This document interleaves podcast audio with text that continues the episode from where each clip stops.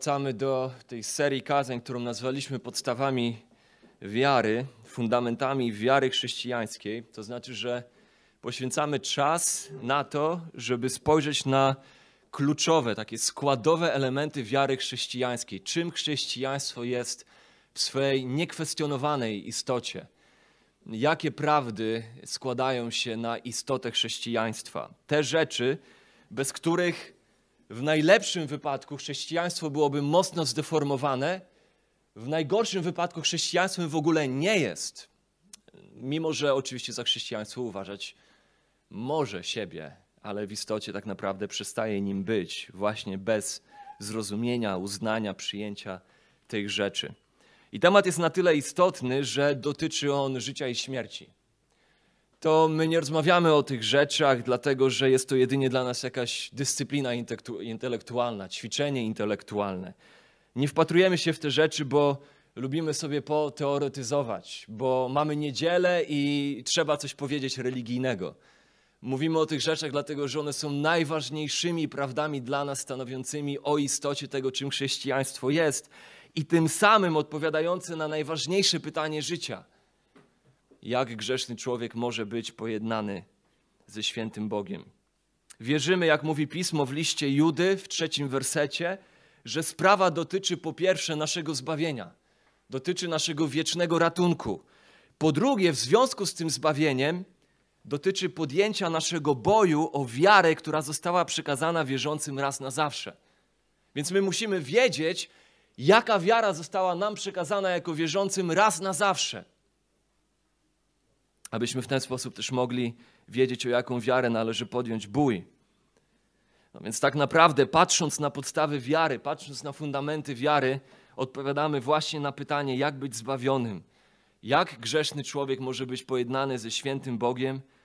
Odpowiadamy na pytanie, jaka to wiara została nam przekazana raz na zawsze, jako prawdziwa, jako właściwa, jako pochodząca od samego Boga, a nie od ludzi. Po pierwsze, spojrzeliśmy na niejako podstawę podstaw wiary. Kiedy zaczęliśmy ten temat podstaw wiary, po pierwsze spojrzeliśmy na to, co nazwaliśmy podstawą podstaw wiary chrześcijańskiej, chrześcijańskiego wyznania. Spojrzeliśmy na ten element naszej wiary, który niejako jest korzeniem, z którego wszystko inne wyrasta. Jest niejako, można powiedzieć, okularami, przez które wszystko inne widzimy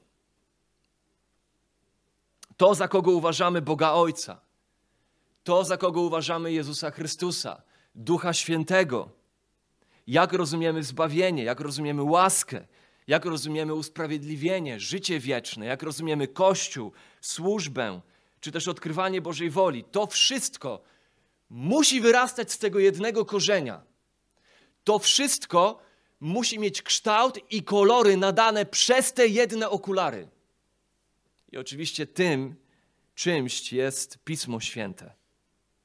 To jest podstawa podstaw wiary. To ono, to pismo rozumiane i przyjmowane przez nas nie jako słowo ludzkie, ale jako słowa Boga, przez Niego natchnione, nieomylne, tym samym są dla nas autorytatywne, są dla nas wiążące w sprawach, o których się to pismo wypowiada. Słowa tej księgi są podstawą podstaw naszej wiary. Wiecznie aktualne i w pełni wystarczalne dla nas. To znaczy niepotrzebujące uzupełnienia niczyją ludzką, żadną ludzką mądrością, nauką synodów, magisterium Kościoła, czy też papieży, czy jakichkolwiek tradycji. Nic ze słów tej księgi nie wolno nam ujmować i nic do słów tej księgi nie wolno nam dodawać. To jest podstawa podstaw naszej wiary. I w jednym z kazań powiedzieliśmy też sobie, jak czytać Biblię, jak czytać tę księgę, tak by ją rozumieć. A dziś przechodzimy do kolejnej podstawy naszej wiary, a mianowicie do osoby Boga. Osoby Boga. A.W. Tozer we wstępie do swojej książki pod tytułem Poznanie Świętego zaczyna od takich słów. To, co przychodzi nam do głowy, gdy myślimy o Bogu, najpełniej, czy też najdoskonalej nas określa. Kluczowym problemem Kościoła po wsze czasy pozostanie sam Bóg. Zaś W człowieku najważniejsze będzie nie to, co w danej chwili mówi lub czyni, lecz jak w głębi swego serca pojmuje Boga. A.W. Tozer stwierdza, że to, co przychodzi nam do głowy, gdy myślimy o Bogu, jest tą rzeczą, która najpełniej, najdoskonalej nas określa, definiuje nas. To, kim jesteśmy jako ludzie w ogóle. I oczywiście Tozer nie jest autorem tej myśli. My nie podziwiamy jego cytatu, dlatego że Tozer był taki mądry i wpadł na to. To nie jest jego opinia. On wziął tę myśl oczywiście z Pisma Świętego. Chociażby w przypowieściach 9:10 czytamy, że początkiem mądrości, mądrość zaczyna się w bojaźni Pana.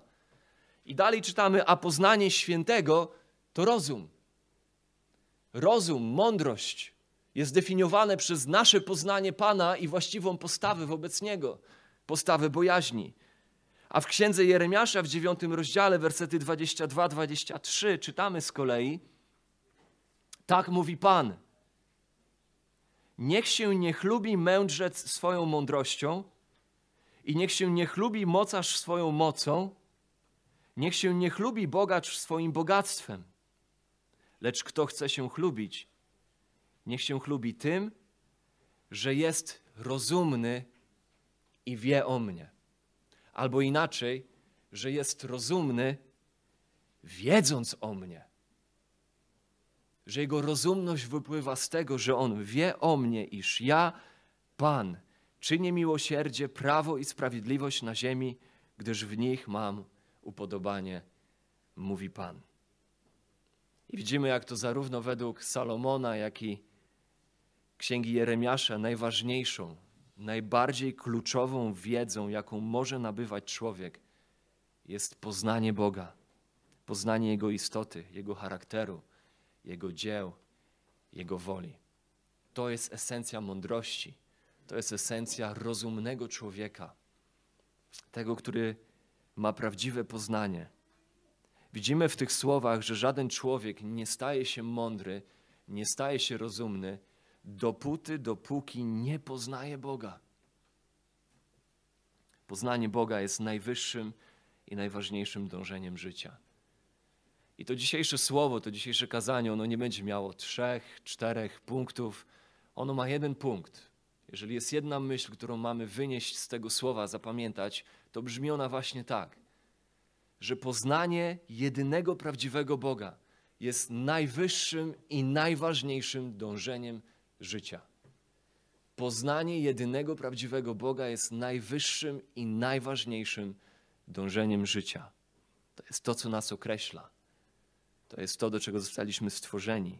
To jest to, co jest istotą naszego życia.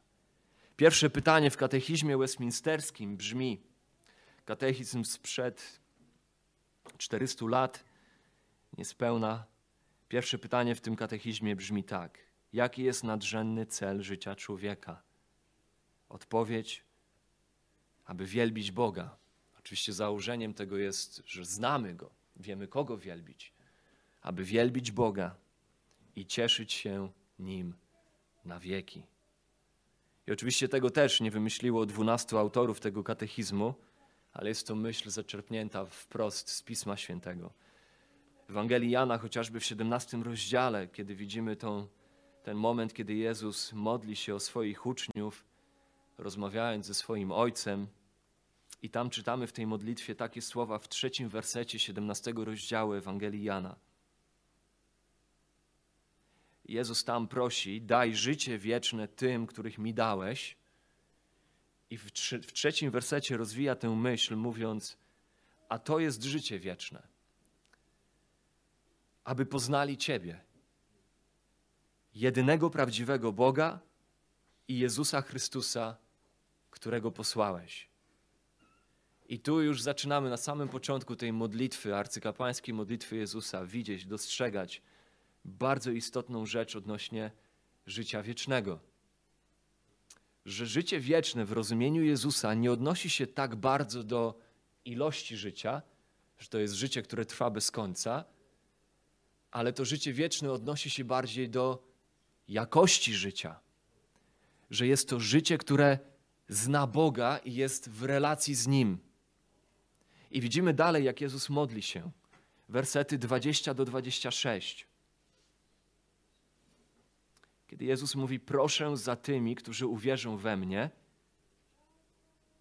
aby wszyscy byli jedno, jak Ty, Ojcze, we mnie, a ja w Tobie, aby i oni w nas jedno byli. Werset 22. A ja dałem im chwałę, którą Ty mi dałeś, aby byli jedno, jak my, czyli ja i Ty, Ojcze, jesteśmy jedno. Ja w nich, a Ty we mnie, aby byli doskonali w jedności, żeby świat poznał, że Ty mnie posłałeś, że ich umiłowałeś, jak mnie umiłowałeś. Ojcze, chcę, aby ci, których mi dałeś, byli ze mną, gdzie ja jestem, aby oglądali chwałę moją, którą Ty mi dałeś, gdyż umiłowałeś mnie przed założeniem świata. I dalej czytamy: I objawiłem im imię Twoje, i objawię, aby miłość, którą mnie umiłowałeś, w nich była, a ja w nich. I tutaj, kiedy wczytamy, zatrzymamy się na chwilę przy tych słowach, wczytując się w nie, widzimy coś niesamowitego, fenomenalnego w tej modlitwie Jezusa do Ojca. Że istotą życia wiecznego, które pochodzi z poznania Bożego Syna i zaufania Jemu, Jego zbawczemu dziełu na krzyżu, jest to, że my możemy cieszyć się tym, co odwiecznie i doskonale należy do Syna. To jest esencja tej modlitwy. To jest esencja tych słów od wersetu 20 do 26. Że Ojcze, to wszystko, co jest prawdziwe odwiecznie na temat mojej relacji z Tobą i Twojej relacji ze mną, ta miłość, której ja jestem doskonałym odbiorcą przez wieki, zanim jeszcze stworzyłeś to wszystko, co stworzyłeś, i ta jedność wypływająca z tej doskonałej miłości, która jest między nami w wiecznej Trójcy, ja pragnę, aby to stało się udziałem tych, których Ty mi dajesz, którzy ufność swoją złożyli we mnie. Aby mogli cieszyć się wieczności tym, czym ja cieszę się wieczności, znając Ciebie, tak jak doskonale Ciebie znam. I tutaj widzimy, że Ojciec nie obsypuje nas błogosławieństwem z dystansu, ze swojej niebiańskiej różdżki. A Jego zbawienie nie jest jedynie Jego użalaniem się nad nami i udzieleniem nam przebaczenia z litości. Jego ratunek nie jest jedynie aktem Stwórcy, który zabiega o porządek w swoim stworzeniu – Widzimy, że On jest tym, który doskonale kocha swojego Syna, który odwiecznie jest Bogiem osobowym, znającym miłość, zanim jeszcze powstał świat, ponieważ w swej istocie jest miłością. Odwiecznie miłujący siebie w Trójcy, w trzech osobach, Bóg Ojciec, Bóg Syn i Bóg Duch Święty. I Jego zbawienie płynie, czy też jest przejawem tego pragnienia, które w wieczności było eksponowane, wypływało z jego istoty jako tego, który odwiecznie jest miłością. I gdzieś w międzyczasie on posyła tego, który jest jego synem, abyśmy my przez jego życie, śmierć i zmartwychwstanie mogli mieć udział w tej samej pełni, w tej samej radości, w tej samej miłości, w tej samej jedności. Bóg w zbawieniu pragnie uczynić nas odbiorcami doskonałej społeczności miłości, jaką On rozkoszuje się odwiecznie w Trójcy. A to znaczy, że kiedy mówimy o poznaniu Boga, to mówimy o czymś o wiele więcej niż czymś teoretycznym. Mówimy o poznaniu Boga osobowo i osobiście. Poznaniu Go za to, kim On jest w swej istocie. Poznaniu Go jako bliskiego naszym sercom. Poznaniu Go jako tego, który w swej istocie jest Ojcem. Temat bardzo szeroki, nie mamy dzisiaj czasu na nim się zatrzymać, może do niego wrócimy. Musimy zdać sobie sprawę, że tylko Bóg, który istnieje w Trójcy, jest Bogiem, o którym możemy spójnie powiedzieć, że jest Bogiem, który jest miłością. Ponieważ Bóg, który nie jest w Trójcy, jest Bogiem, który zanim wszystko zaistniało, istniał w samotności i nie miałby kogokolwiek, kogo mógłby kochać. Co więcej, tylko Bóg, który jest odwiecznie w Trójcy, jest Bogiem, o którym możemy powiedzieć z pełnią spójności i pewności, że jest w swej istocie Ojcem. Bo tylko On odwiecznie ma Syna, którego może kochać. Kiedy zabierzemy z Bożej istoty Trójcę, o której Pismo mówi tak wyraźnie, zabieramy tak naprawdę z Jego istoty Jego odwieczną miłość i Jego odwieczne ojcostwo. I mamy albo jedynie Boga, który jest tyranem, albo mamy Boga, który jest po prostu samotny i ma braki w swojej własnej istocie i w wybuchu tej samotności decyduje się stworzyć świat, by mieć kogo kochać, by ktoś w odpowiedzi kochał Jego. Ale Trójca te wszystkie rzeczy filtruje dla nas i pokazuje nam prawdziwy majestat Boga i prawdziwą Jego istotę. To jest ten, który znał miłość, zanim jeszcze cokolwiek zaistniało. To jest ten, który odwiecznie był spełniony w doskonałej miłości Trójcy. I nas przez dzieło swojego Syna chce wprowadzić w to poznanie Jego osobowo, tak jak Go zna sam Syn, abyśmy my w tym duchu, w tym samym duchu mogli wołać do Niego, jak czytamy w liście do Rzymian w ósmym rozdziale, Abba, Abba. To jak wołał do Niego Jego jednorodzony Syn za każdym razem, kiedy modlił się do Niego w Ewangeliach. Wołał do Niego Abba, Ojcze. Poznanie Boga Poznanie jedynego prawdziwego Boga jest najwyższym i najważniejszym dążeniem życia. To jest punkt, od którego zaczynamy, kiedy zagłębiamy się w Pismo. Powiedzieliśmy sobie o tym fundamencie fundamentów, podstawie podstaw, którą jest Pismo. I teraz, kiedy zaczynamy wpatrywać się w te wszystkie elementy, na które chcemy patrzeć przez okulary Pisma Świętego, to to jest ta pierwsza rzecz osoba Boga. Dlatego, że Pismo jest pierwszorzędnie księgą nie o nas. Nie jest pierwszorzędnie poradnikiem czy też podręcznikiem życia. Pismo nie jest pierwszorzędnie kodeksem moralnym, ale Pismo pierwszorzędnie jest objawieniem, ukazaniem nam właśnie osoby Boga, tak byśmy mogli Go poznać. I oczywiście, kiedy mówimy o poznaniu Boga, od razu możemy spotkać się ze sprzeciwem. Ktoś może powiedzieć, ale ja w Boga nie wierzę. Lub ktoś inny może powiedzieć, no nawet jeżeli Bóg gdzieś tam istnieje, to ja osobiście nie interesuję się szczegółami na temat Boga. Żyję jako człowiek wolny, bez uznawania żadnego Boga nad swoim życiem. A jeszcze ktoś inny powie, wierzę w Boga, mam Go w sercu, lecz nie potrzebuję wgłębiać się zbytnio w poznawanie Go. Niech każdy wierzy jak chce, ważne by był szczery w tym, jak wierzy. I są to ciekawe stwierdzenia. Pierwsze z nich, o tyle, o ile jeszcze jest zasadne dla osoby, która je wypowiada, tak te dwa pozostałe są po prostu nieprawdziwe. Na przestrzeni wieków, oczywiście wielu, decydując się na pójście w ślad niczego, nie niczego w sensie tego, co jest niczym, ale niczego tego, który był tym człowiekiem, którego nazwisko było Nicze który powiedział: Bóg umarł. Bóg umarł. Wielu zdecydowało się pójść w jego ślad, postanowili wyrzucić ze swoich umysłów wiarę w jedynego prawdziwego Boga. I oczywiście do pewnego stopnia udało się to im, lecz nie obyło się bez konsekwencji. Okazało się, że w świecie pozbawionym Boga praktycznie niemożliwym jest życie, które jest spójne intelektualnie czy też spójne emocjonalnie co więcej, celowo lub podświadomie ci sami ludzie wypełnili próżnię powstałą przez odrzucenie Boga różnego rodzaju substytutami. To jest nieuniknione. Kiedy powiemy, jedyny prawdziwy Bóg umarł, jest nieistotny, to to nic nie zmieni w naszej postawie. My po prostu coś innego włożymy w Jego miejsce i będziemy to czcić i wielbić jako Boga.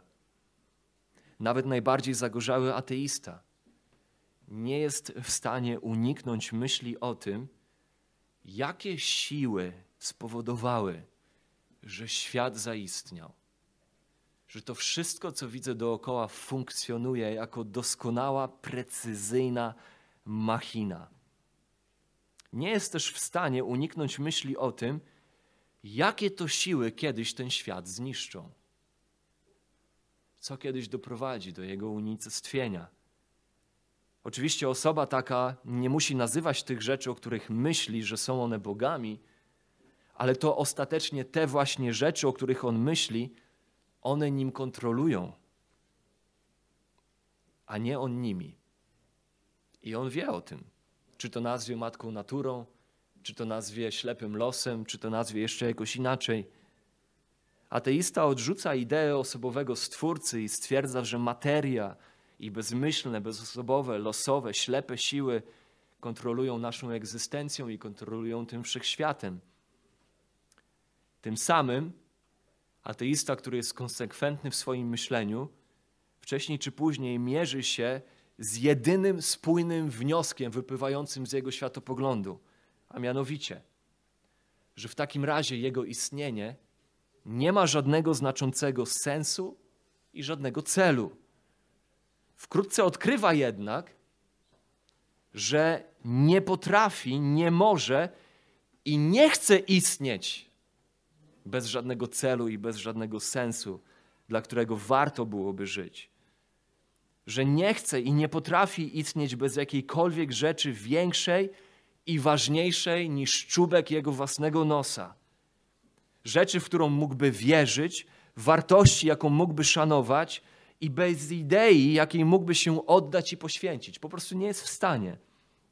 Więc co robi? No, ustanawia sobie w życiu różne inne rzeczy, którym się poświęca. Na przykład zakłada stowarzyszenie, którego celem jest walczyć z Bogiem, w którego wierzy, że i tak go nie ma.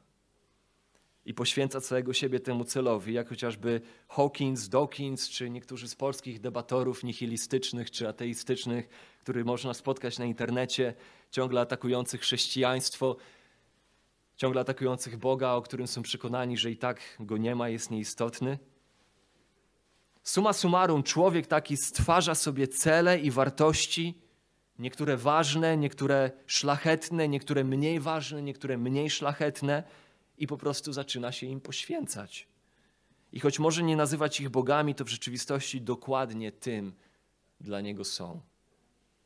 Bóg seksu, Bóg rozpusty, Bóg wojny, Bóg rozkoszy, Bóg rozrywki, Bóg sportu, Bóg pijaństwa, Bóg wiedzy, Bóg bogactwa, Bóg władzy, Bóg państwa, Bóg polityki, a czasami po prostu uważanie siebie samych za bogów.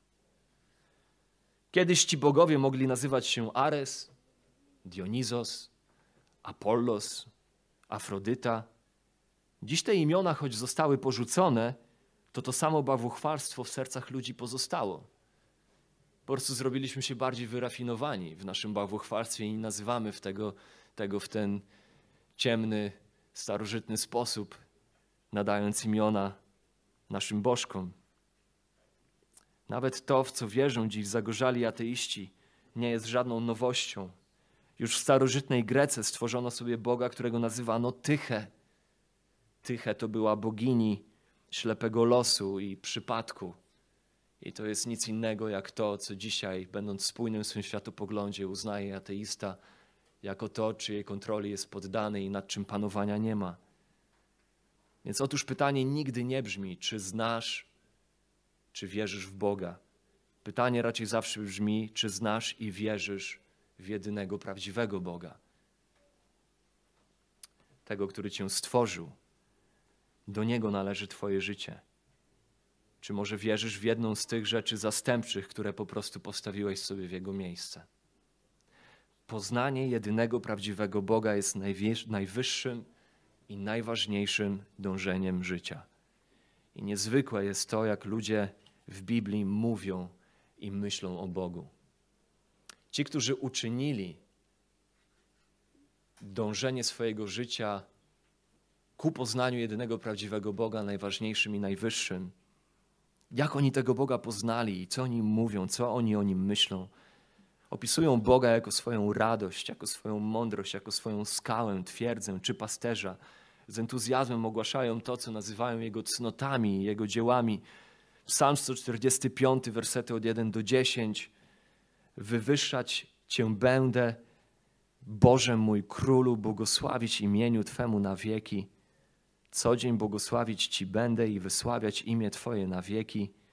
Wielki jest Pan, godzien wielkiej chwały, wielkość Jego jest niezgłębiona. Psalm 145, czytamy wersety od 1 do 10, przynajmniej wyrwane myśli z tego fragmentu dalej. Głosić będę wspaniałą chwałę majestatu Twego i cudowne sprawy Twoje. Werset siódmy. Zwiastować będę pamięć wielkiej dobroci Twojej, a sprawiedliwość Twoja radośnie będzie opiewana. Niech usta moje głoszą chwałę Pana, werset 21. I niech wszelkie ciało błogosławi imię Jego święte na wieki wieków. Widzimy tutaj stan zachwycenia człowieka, który poznał jedynego prawdziwego Boga. Zauważmy, że są to słowa, które są wyznaniem inteligentnego stworzenia stojącego przed dobrocią i majestatem Bożym, Jego wielkością Jego potęgą. Jeśli mielibyśmy zadać pytanie, jaki więc jest Bóg, jeżeli chodzi o poznanie jedynego prawdziwego Boga, kim On jest, jaki On jest, to oczywiście dokładna odpowiedź na to pytanie zajęłaby nam wieczność. Wieki będziemy poznawać jedynego prawdziwego Boga. Trwałoby to bez końca, jeżeli chcielibyśmy poświęcić temu jakąś serię kazań. Natomiast jest jedna cecha Boga, która wydaje się wyrastać ponad inne. Jest jedna cecha Boga, która nie tyle wyrasta ponad inne, co w pewnym sensie spaja tak naprawdę wszystko inne na temat istoty Boga w jedną całość, w jedno słowo. I na to chciałbym, żebyśmy krótko spojrzeli w temacie poznawania jedynego prawdziwego Boga jako najwyższego i najważniejszego dążenia naszego życia. I tym jednym słowem, tą jedną cechą spajającą całą istotę Boga w całość jest Jego świętość. Bóg, który jest święty. Kiedy Izajasz w księdze Izajasza w szóstym rozdziale usłyszał aniołów w trzecim wersecie szóstego rozdziału, śpiewających przed obliczem Bożym, to ci aniołowie nie śpiewali Bóg jest wierny, wierny, wierny. Nie śpiewali Bóg jest miłosierny, miłosierny, miłosierny, ale śpiewali Bóg jest święty, święty, święty. I to jest jedyna cecha Boża, która jest powtórzona po trzykroć w księdze Izajasza, czy też w księdze Objawienia w ósmym rozdziale chociażby. Podkreślenie wagi istoty tej cechy Bożej. W drugiej Mojżeszowej w 15 rozdziale, 11 wersecie, druga Mojżeszowa 15, 11 czytamy: Któż jest jak Ty wśród bogów, Panie? Któż jest jak Ty wzniosły w świętości? Odpowiedź oczywiście brzmi: nikt. Nikt. I tam w drugiej Mojżeszowej w 15 rozdziale 11 wersecie widzimy, że świętość Boża odnosi się do Jego odrębności, do Jego inności, do Jego wyjątkowości. Że On w swojej świętości jest tym, który nie ma sobie równych. To jest ten, który jest ponad wszystkimi. Tak jakby w świętości zawiera się istota Jego boskości. To jest tak, jakby kiedy autorzy pisma brakuje już im słów, by wyrazić to, co wiedzą na temat Boga i kim jest ich jedyny prawdziwy Pan, to wtedy sumują to słowem święty. I w objawieniu 4:8 czytamy o czterech postaciach znajdujących się przed Bożym tronem dniem i nocą, śpiewających: Święty, święty, święty jest Pan, Bóg wszechmogący, który był i który jest i który ma przyjść. Więc Jego świętość oznacza Jego odrębność. Świętość po pierwsze oznacza, oznacza Jego oddzielenie odrębność, oddzielenie od tego, co jest stworzone. To jest ten, który jest ponad tym. Jest oddzielony, odrębny od wszechświata. Oznacza to, że Bóg, jedyny prawdziwy Bóg, nie jest On jedną z sił we wszechświecie. Nie jest nawet największą siłą we wszechświecie. On stworzył wszechświat, On jest ponad wszechświatem, On jest poza wszechświatem. Nikt i nic go nie stworzyło. On jest przed wszystkimi rzeczami i wszystko na nim jest ugruntowane. Kolosan 1,17. To jest ten, który jest kompletnie ponad, jest odrębny. On stworzył, on podtrzymuje, on kontroluje wszechświat. Nie jest najwyższym z bogów, jest jedynie Bogiem, jest jedynym Bogiem. Nie jest w tej samej kategorii co inni bogowie, co wszystko inne we wszechświecie. On jest poza kategorią. Pierwsza Samuela 2:2 Nikt nie jest święty jak Pan, gdyż nie ma nikogo oprócz Ciebie. Jego świętość odnosi się do tego, że On jest wyłącznym Stwórcą. On jest wyłącznym Panem Wszechświata. Izajasza 45, werset 11, 12 i 18. Izajasza 45, 11, 12, 18. Tak mówi Pan, święty Izraelski i jego stwórca, stwórca Izraela. Jak śmiecie żądać ode mnie wyjaśnienia co do moich dzieci, albo dawać mi rozkazy co do dzieła moich rąk? Ja uczyniłem ziemię i stworzyłem na niej ludzi. Moje ręce rozciągnęły niebiosa i ja daję rozkazy wszystkiemu ich wojsku. Stwórca niebios, On jest Bogiem, który stworzył ziemię i uczynił ją, utwierdził ją, a nie stworzył, aby była pustkowiem, lecz na mieszkanie ją stworzył. Ja jestem Pan i nie ma innego. Tak mówi święty Izraelski. Jego świętość, jego odrębność oznacza jego wyłączność, że wyłącznie Jemu jako Bogu i Stwórcy w takim razie należy się uwielbienie, należy się serce człowieka. Człowiek nie został stworzony jedynie przez Boga, ale został stworzony dla Boga. Księga Objawienia, czwarty rozdział, wracamy do tego fragmentu. Objawienie 4, wersety 8 do 11.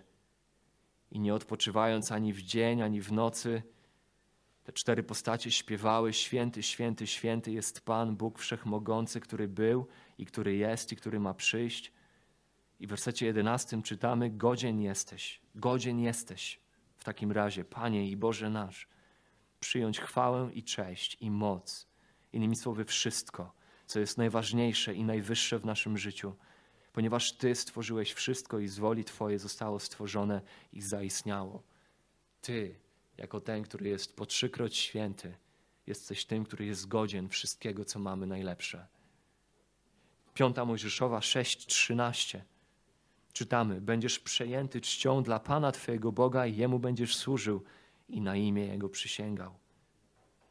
I tu musimy zrozumieć, że wezwanie nas do wyłącznego uwielbienia Boga jest tak naprawdę wezwaniem nas do życia w prawdziwej godności i chwały, także nas jako ludzi jako Jego stworzenia. Tu, właśnie tu, w poznaniu jedynego prawdziwego Boga i uwielbieniu Go jako jedynego prawdziwego Boga, tak naprawdę spoczywa nasza godność i nasza chwała. Oddawanie czci komukolwiek lub czemukolwiek innemu niż jedynemu prawdziwemu Bogu zawsze hańbi i poniża człowieka, zniewala, niszczy. Znamy choćby z historii okrutne, totalitarne rządy tych, którzy za bogów uznali siebie samych. Wiemy, jak to było, jak to jest, kiedy człowiek siebie uznaje za miarę wszech rzeczy. Nazwanie Boga świętym odnosi się również do Jego absolutnej czystości i Jego nieskazitelności. To się zawiera w tej Jego odrębności, Jego wyłączności, zawiera się Jego czystość i nieskazitelność. Psalm 92, werset 16. Pan jest prawy i nie ma w nim nieprawości. I w 1 Jana 1,5 czytamy, że Bóg jest światłością i nie ma w nim żadnej ciemności. Nie ma w nim żadnej ciemności ani intelektualnej, ani moralnej, ani duchowej.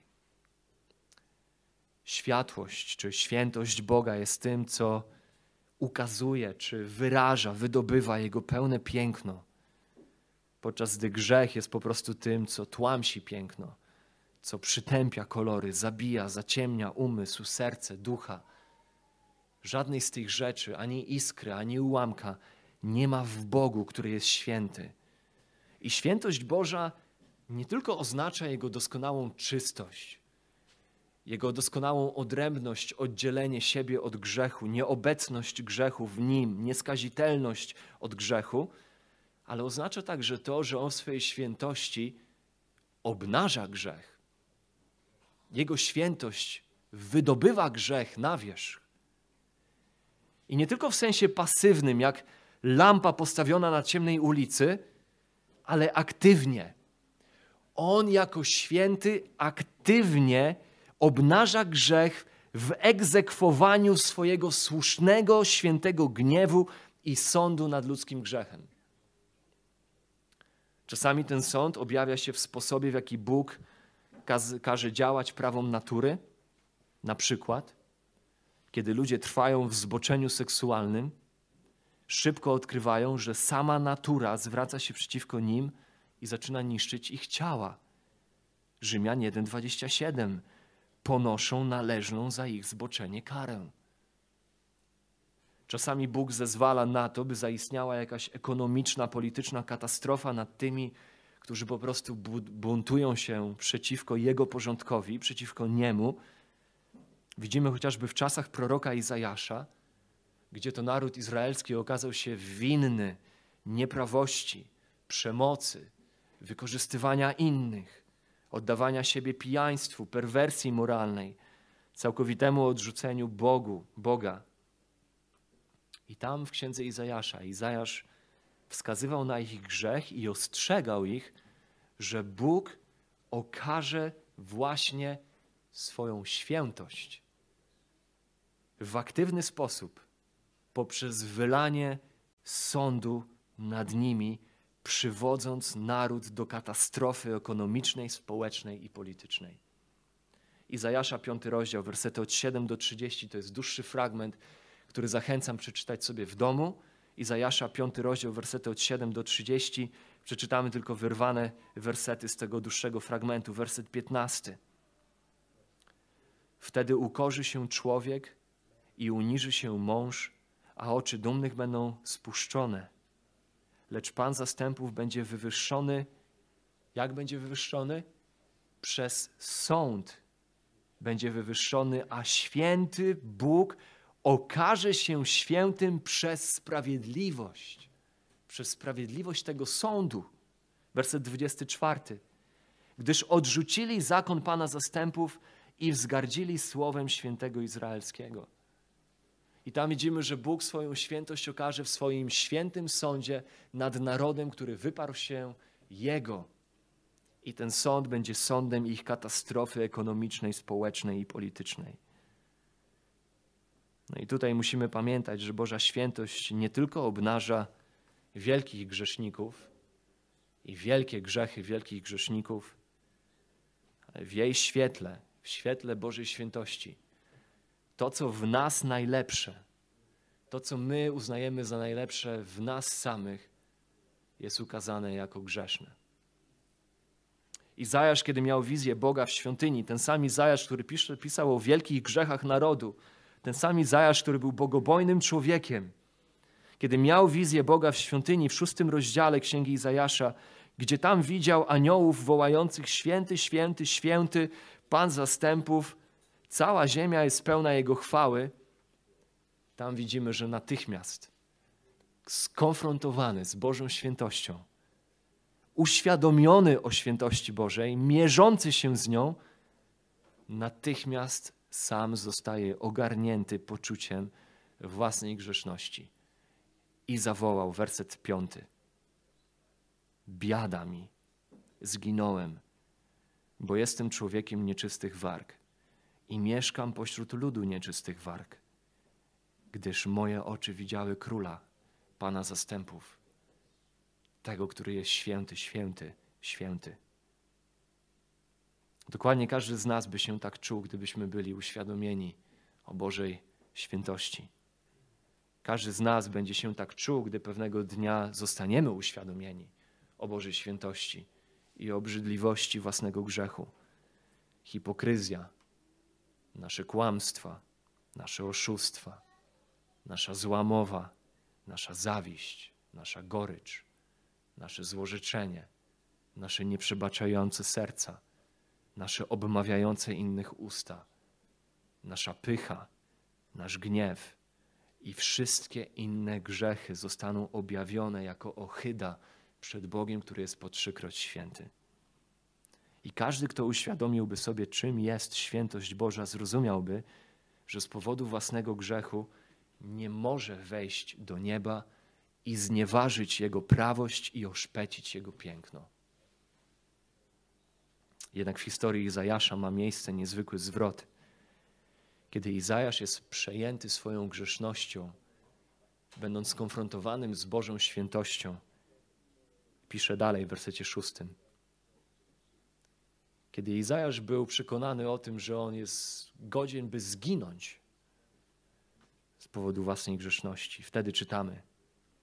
Wtedy przeleciał do mnie jeden z serafów z tych postaci anielskich, mając w ręku rozżarzony węgielek, który szczypcami wziął z ołtarza. Pamiętajmy, on się znajduje w świątyni. Tam jest ołtarz ofiarny. Tam, gdzie dzieją się rzeczy reprezentujące to, że Bóg zakryje grzechy swojego ludu. I ten seraf bierze rozżarzony węgielek z ołtarza i werset siódmy i dotknął nim moich ust i rzekł oto dotknęło to twoich warg i usunięta jest twoja wina, a twój grzech odpuszczony. I ten sam Bóg, który jest świętym sędzią, okazuje się, że też jest świętym zbawicielem. I tutaj zaczynamy widzieć pewien wspaniały, fenomenalny paradoks, że ci, którzy doświadczyli bólu spotkania z Bożą świętością, wyznając Jemu swoje grzechy, nagle doświadczają oczyszczenia tego samego Boga, przed którym najpierw doświadczyli bólu. I zaczynają z entuzjazmem nazywać Bożą świętość czymś wspaniałym.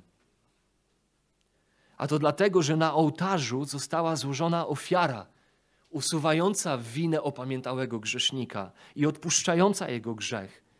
I tak właśnie nic innego jak krzyż Chrystusowy jest najwyraźniejszą manifestacją świętości Bożej. Bóg okazuje się tak święty, że sam płaci najwyższą cenę konieczną, by zaspokoić swoją własną świętość, która domaga się sprawiedliwości i domaga się gniewu i domaga się kary. I nie za ohydę wielkich grzeszników, ale moją i Twoją. I w Hebrajczyków 9:26 czytamy niezwykłe słowa, że obecnie objawił się On, Bóg w osobie swojego Syna, objawił się jeden raz, w odpowiednim czasie się pojawił u schyłku wieków. On w postaci swojego Syna. Po co się objawił? Dla zgładzenia grzechu przez ofiarowanie. Ofiarowanie czego? Kogo? Czytamy dalej. Siebie samego. Siebie samego. Tu się dowiadujemy, że Boża świętość jest tak nieskończona, że On sam, jedynie tylko On, wyłącznie On mógł i na szczęście zechciał zapłacić najwyższą cenę, dźwigając grzech i ludzką winę i śmierć, która jest karą za grzech, ponieważ cena musiała zostać zapłacona nawet jeśli miała kosztować go, jego własne życie. To jest Boża świętość. Świętość zamanifestowana w śmierci Jezusa Chrystusa.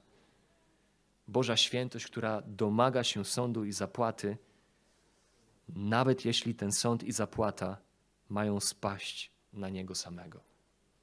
Święty, święty, święty. I moglibyśmy tak długo jeszcze patrzeć, jak poznanie jedynego prawdziwego Boga jest niezbędne i dobre dla naszej duszy, jak jest początkiem mądrości i rozumu i istotą wszelkiej mądrości i rozumu, jak każda jego cecha, jego atrybut praktycznie odnosi się do naszego życia, jak jego wszechmoc, jego wszechobecność, jego niezmienność, jego dobroć, jego miłosierdzie, jego sprawiedliwość nie są jedynie teorią, ale są rzeczami, które bardzo praktycznie odnoszą się do naszej codzienności. Izajasz w 45 rozdziale, wersety 20 do 22 pisze tak. Nierozumni są ci, którzy noszą swojego bałwana z drewna i modlą się do Boga, który nie może wybawić. Oprócz mnie nie ma żadnego Boga sprawiedliwego i wybawiciela. Do mnie się zwróćcie, wszystkie krańce ziemi, abyście były zbawione, bo ja jestem Bogiem i nie ma innego. Poznanie jedynego prawdziwego Boga jest najwyższym i najważniejszym dążeniem życia. Psalmista woła 27, werset 8. O Tobie mówi moje serce, szukaj Jego oblicza. Szukam, o Panie, Twojego oblicza. Pochylmy głowy.